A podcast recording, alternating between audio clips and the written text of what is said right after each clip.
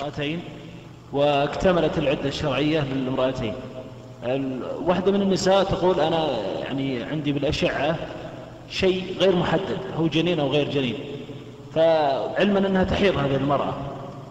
فتقول أنا يعني سأستعمل أعشاب طب عربي من أجل إذا أنه طفل يعني جنين سيحييه الله. وإذا كان غيره فيسقط. فما الواجب نحو هذه المرأة؟ المرأة الشاكة تنتظر حتى تتيقن أنها غير حامل. والتي ليس عندها شك إذا أتمت أربعة أشهر وعشرة أيام انقضت عدتها